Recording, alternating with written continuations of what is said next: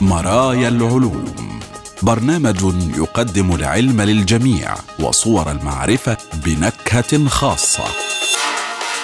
مرايا العلوم يسعى إلى اكتشاف عالم أفضل عبر جسر العلوم والتكنولوجيا. مرايا العلوم العلم كموضوعة رائجة نحو حياة أكثر فعالية واتساق أكبر مع الطبيعة.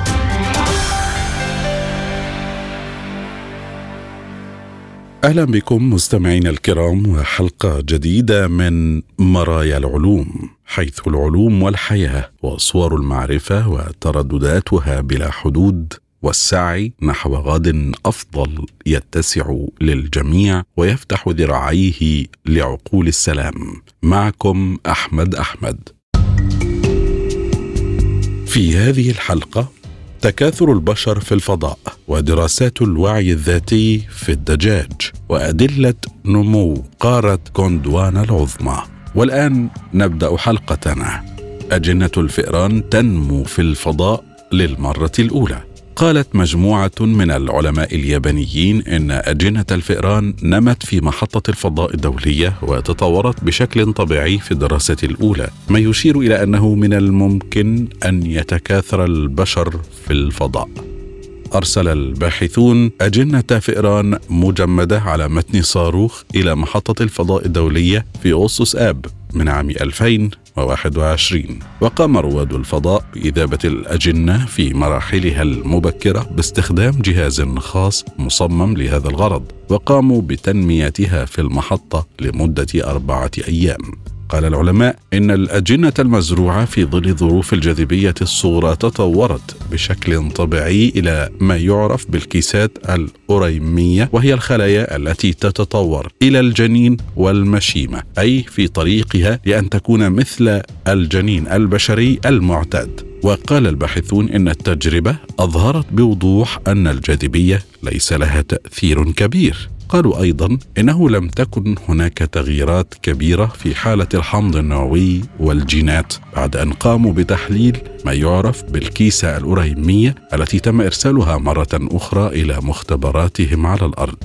وقالت جامعة ياماناشي ومعهد ريكن الوطني للأبحاث في بيان مشترك إن هذه أول دراسة على الإطلاق تظهر أن الثدييات قد تكون قادرة على الازدهار. في الفضاء. وقال بيان من مجموعة العلماء اليابانيين إنها التجربة الأولى في العالم التي تقوم بزراعة أجنة لثدييات في مراحلها المبكرة تحت الجاذبية الصغرى الكاملة لمحطة الفضاء الدولية. قالوا في المستقبل سيكون من الضروري زرع الكيسة الأريمية التي تمت زراعتها في الجاذبية الصغرى لمحطة الفضاء الدولية في الفئران لمعرفة ما إذا كانت الفئران قادرة على الولادة للتأكد من أن الكيسة الأريمية طبيعية. قد تكون مثل هذه الأبحاث مهمة لعمليات استكشاف الفضاء. الفضاء ومهماته واستعماره في المستقبل. وبموجب برنامج أرتيميس تخطط ناسا لإعادة البشر إلى القمر ليتعلموا كيفية العيش هناك على المدى الطويل للمساعدة في التحضير لرحلة إلى المريخ في وقت ما قرب نهاية ثلاثينيات القرن الحالي.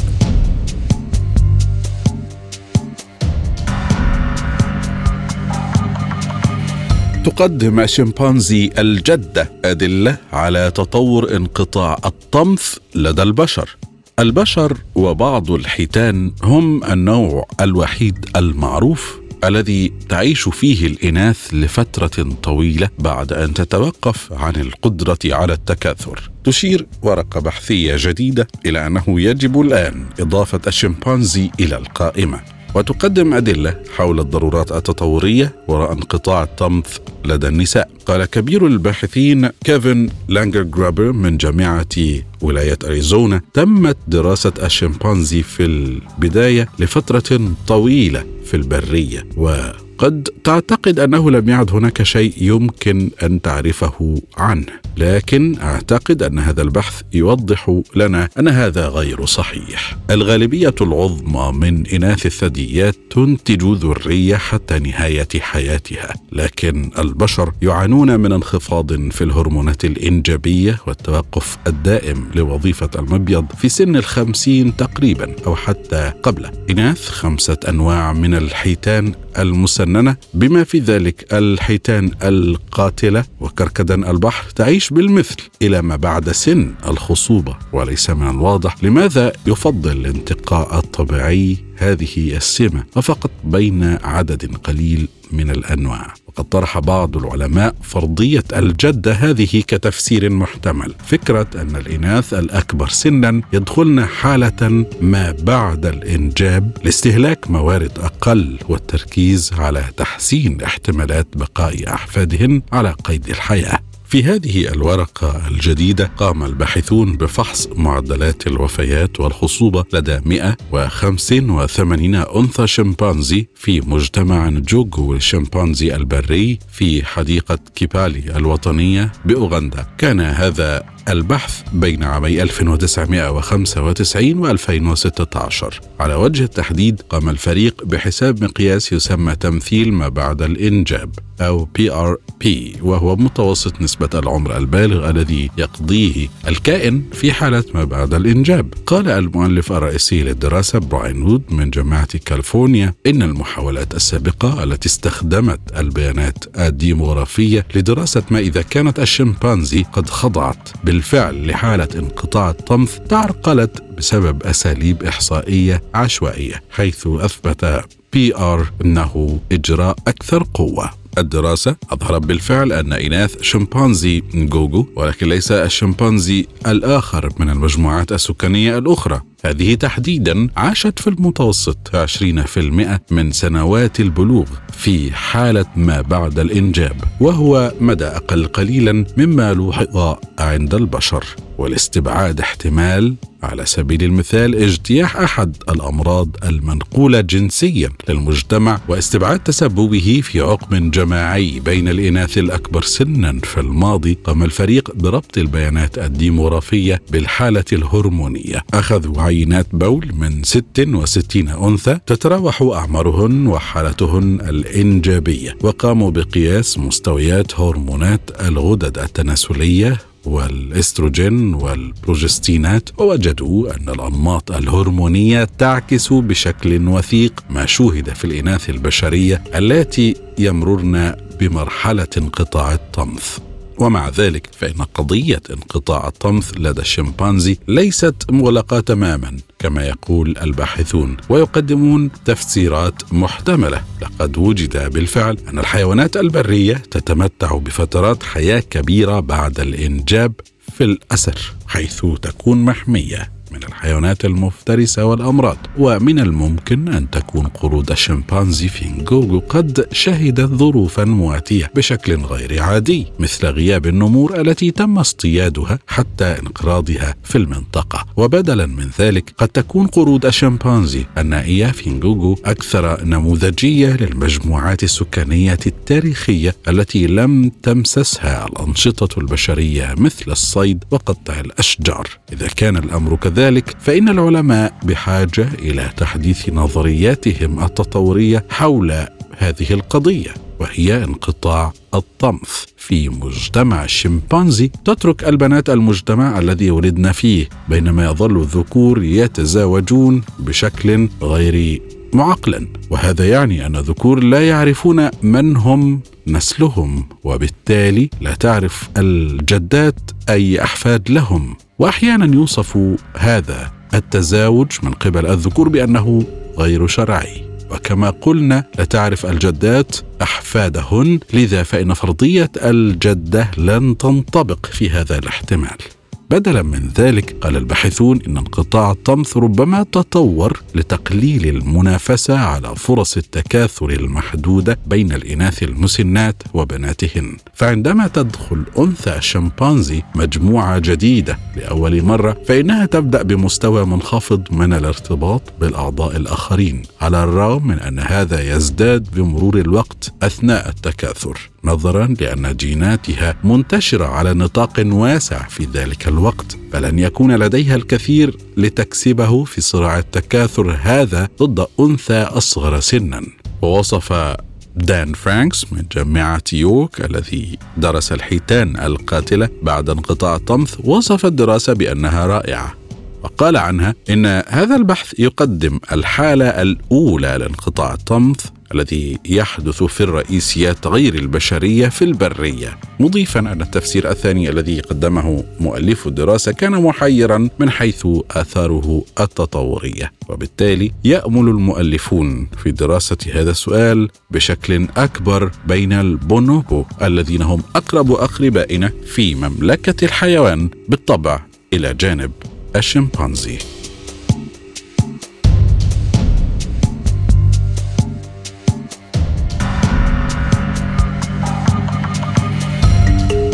يوفر الماس فائق العمق نافذة على نمو القارة العظمى. يحتوي الالماس على دليل فيه وجود صخور الوشاح التي ساعدت على تعويم وتنمية قارة غوندوانا العملاقة القديمة من الأسفل. وفقا لبحث جديد أجراه فريق من العلماء بقيادة سوزيت تيمرمان في جامعة بيرن بما في ذلك فريق كارنيجي تظهر النتائج التي توصلوا إليها.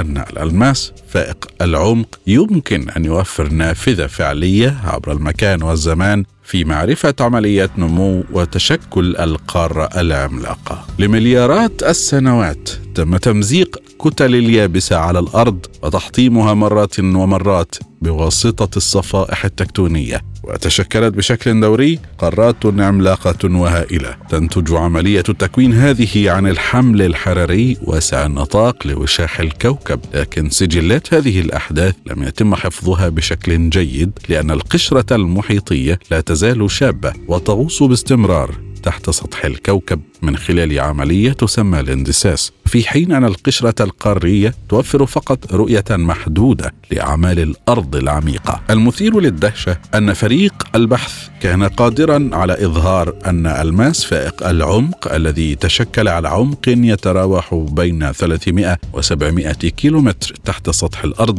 يمكن أن يكشف عن كيفية إضافة المواد إلى قاعدة قارة عظمى. كانت ذات يوم بلا نظير. قال الباحثون تسمح لنا هذه الماسات بمعرفة مدى ارتباط العمليات التكتونية العميقة بدورة القارة العملاقة. ويعتقد أن هذه القارة قارة غوندوانا العملاقة قد تشكلت بالفعل منذ ما بين 800 إلى 550 مليون سنة.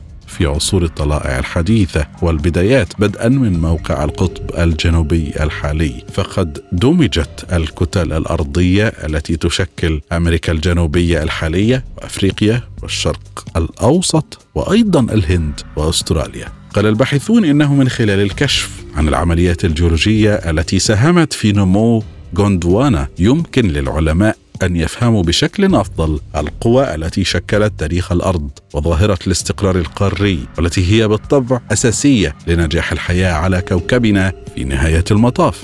فعلى عمق حوالي 40 إلى 250 كيلومترا تحت السطح تعمل التكوينات الجيولوجية التي تسمى صفائح الوشاح كأساس للقشرة القارية. تتكثف المادة التي تشكل هذه العارضة وتستقر وتبرد تحت الكتل القارية. لتشكل هياكل قوية طافية يمكنها مقاومة القوى التدميرية القاسية للنشاط التكتوني للأرض. أيضا يمكن العثور على بقايا صخور الوشاح التي ساعدت في تشكيل العارضة في شوائب صغيرة من السيليكات والكبريتيد مخبأة داخل هذه الماسات. فائقة العمق. وعادة ما تكون هذه الشوائب أو العيوب في أحجار الألماس العادية. هذه الشوائب هي أفضل أصدقاء لعالم الجيولوجيا بالطبع تم التعرف عليها وعزلها ودراستها بلوريا ومن ثم تأريخها إشعاعيا لتحديد أعمارها الجيولوجية. تم تنفيذ هذا العمل من قبل باحثين في جامعة ألبرتا ومعهد كارنيجي للعلوم بالإضافة إلى فرق أخرى من المتخصصين في الماس وتطلب الأمر إذن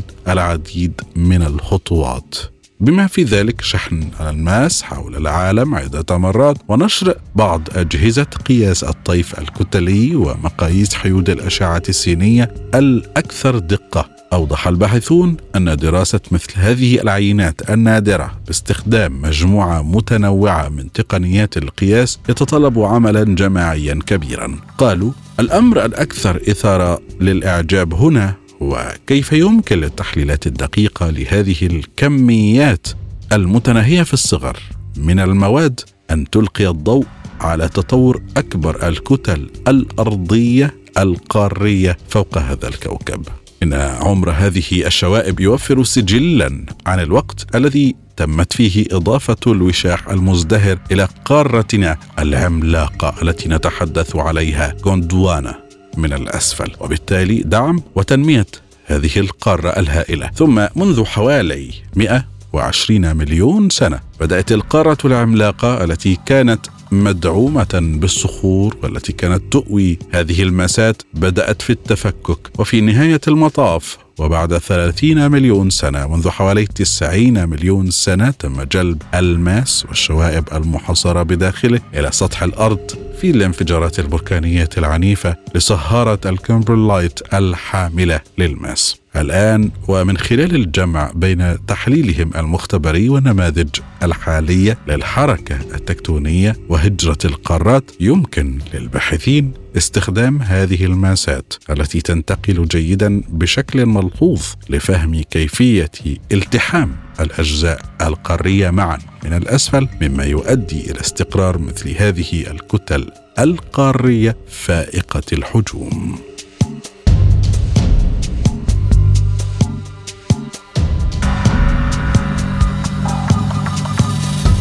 هل تتعرف الديوك على انعكاسها؟ استكشاف الوعي الذاتي. الدجاج الذي غالبا ما ينظر إليه على أنه بسيط التفكير أصبح الآن في طليعة الدراسات حول الوعي الذاتي. لاحظ الباحثون أن الديوك من المحتمل أن تتعرف على نفسها في المرايا. ومع ذلك فإن نجاح هذا الاعتراف يعتمد إلى حد كبير على الظروف التجريبية. تتحدى الدراسة الاختبارات التقليدية للوعي الذاتي لدى الحيوانات، وتسلط الضوء على الحاجة إلى المزيد من التجارب ذات الصلة بالبيئة. مفتاح الحقائق قد تكون ديوك قادرة على التعرف على نفسها في المرآة، وهو مؤشر محتمل للوعي الذاتي. وقد لا يكون اختبار العلامة الكلاسيكي للتعرف على الذات قابلا للتطبيق على جميع الحيوانات. كما أن سياق الاختبار له أهمية كبيرة. عادة ما تطلق الديوك نداءات إنذار في وجود كائن محدد عندما يهددها حيوان مفترس. لكن هذا السلوك يتغير عندما تواجه انعكاسها. كشط وقرقرة وضع البيض. أهذا كل شيء يعرف أي شخص مشارك في تربية الدجاج أن الحيوانات هذه والطيور قادرة على القيام بما هو أكثر من ذلك بكثير. وجد الباحثون في جامعتي بون وبوخم بالتعاون مع كلية الطب في هامبورغ أدلة على أن الديوك يمكنها التعرف على نفسها في المرآة. ومع ذلك فإن نجاح هذا الأمر يعتمد على الظروف التجريبية. وهي نتيجة تتجاوز مجرد التجربة مع الديوك ويمكن أن تكون ذات أهمية أيضا بالنسبة لأنواع حيوانية أخرى.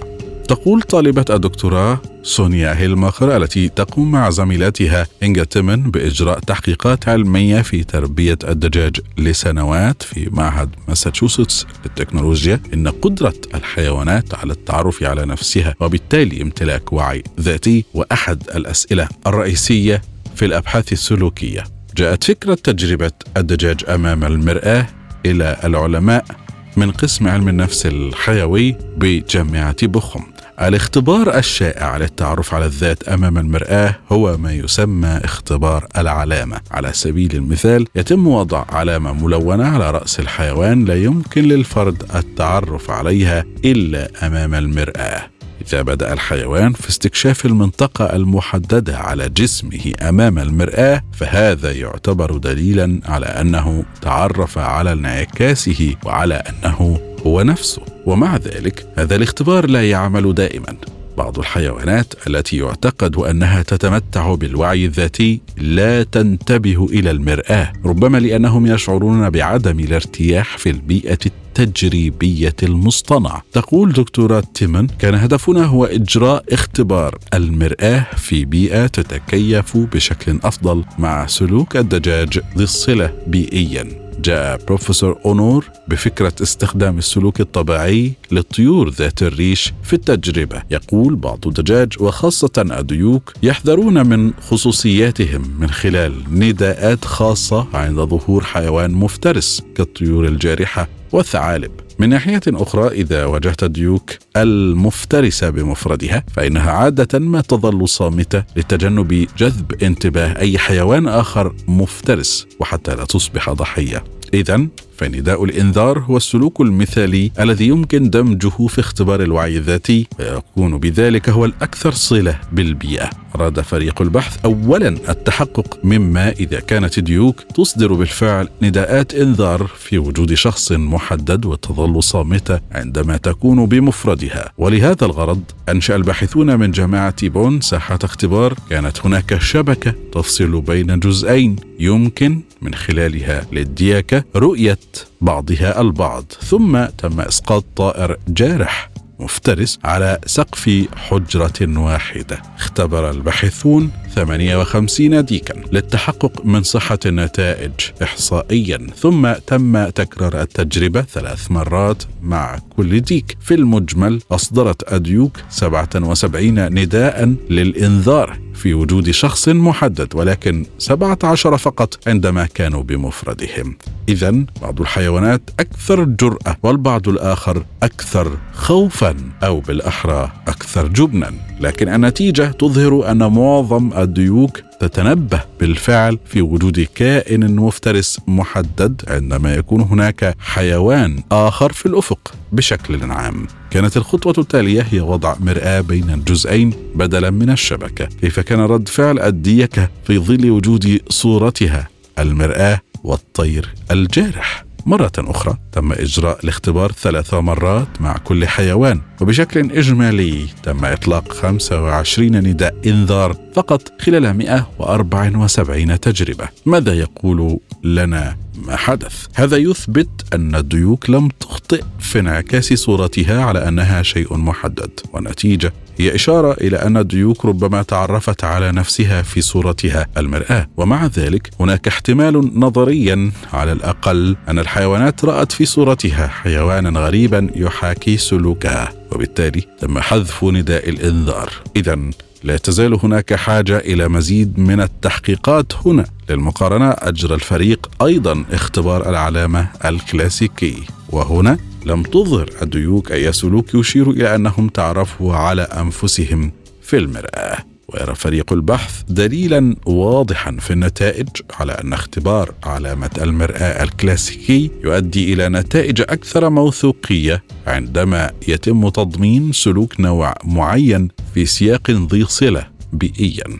ففي الوضع الكلاسيكي قد لا يظهر الديك تقديرا لذاته ولكن عندما يهدده حيوان مفترس يصبح من الواضح أن انعكاسه ليس ديكا آخر. بل هو نفسه. يمكن بالتالي أن يكون هذا النهج مناسبا أيضا لأنواع أخرى من الحيوانات. قال الباحثون إن إجراء المزيد من الأبحاث حول الاعتراف الذاتي والوعي الذاتي لدى الحيوانات يعد كذلك أساسا مهما تماما للنقاش حول حقوق الحيوان ورفاهيته. ما خلاصة هذا البحث؟ الديوك لا تحذر الطائر في المرآة. البيئة المعرفية للتعرف على الذات في المرآة كيف تكون؟ يعتبر لمس علامة على جسدك عند رؤية هذه العلامة في المرآة بمنزلة ارتباط بالوعي الذاتي. ويبدو أنه يقتصر على القردة العليا وعدد قليل من الأنواع الأخرى. ومع ذلك فإن هذا النموذج غالبا ما ينتج عنه نتائج سلبية كاذبة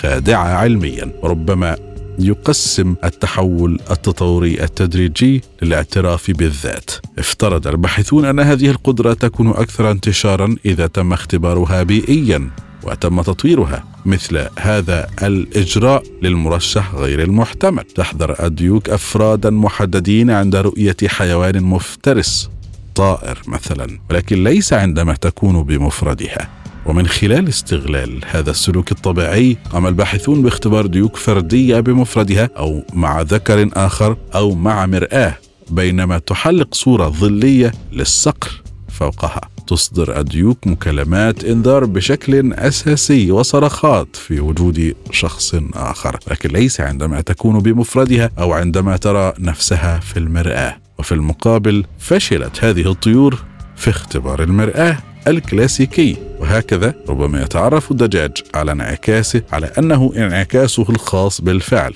مما يوضح بشكل لافت للنظر مقدار الإدراك المتأصل في إطار هذه البيئة.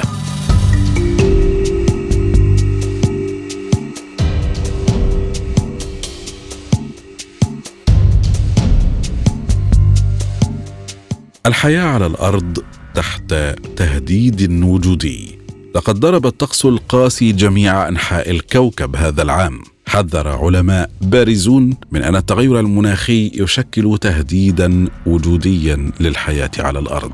في تقييم للموجة الحارة هذا العام والظواهر الجوية المتطرفة التي قالوا إنها تضرب بقوة أكبر مما كان متوقعا. ومع التوقعات بأن عام 2023 سيكون العام الأكثر سخونة على الإطلاق. تعرضت مناطق في جميع أنحاء الكوكب لموجات حر قاتلة وما تزال.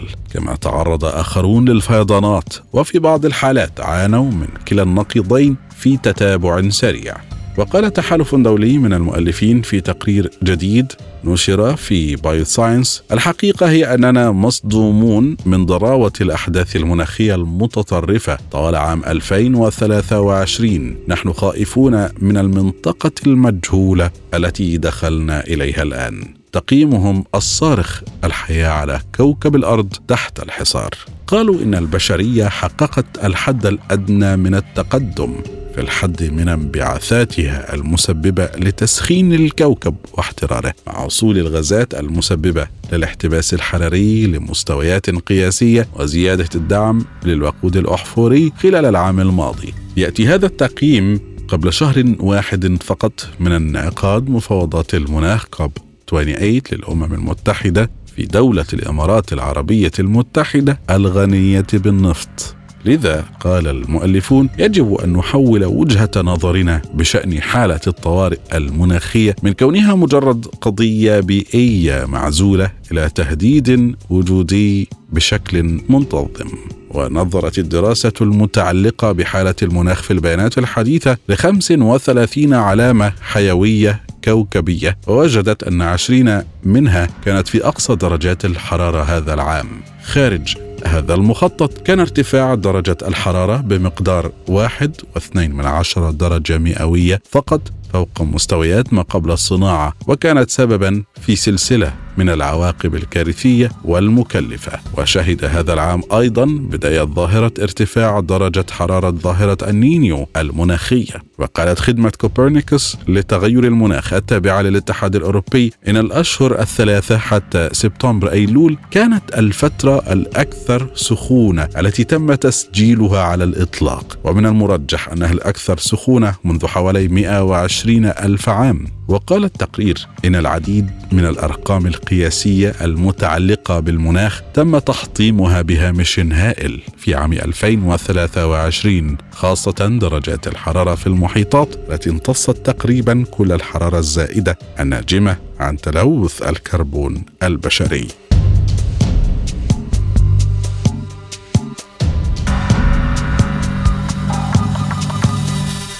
إلى هنا مستمعينا الكرام نكون قد وصلنا وإياكم إلى خاتمة هذه الحلقة من برنامج مرايا العلوم.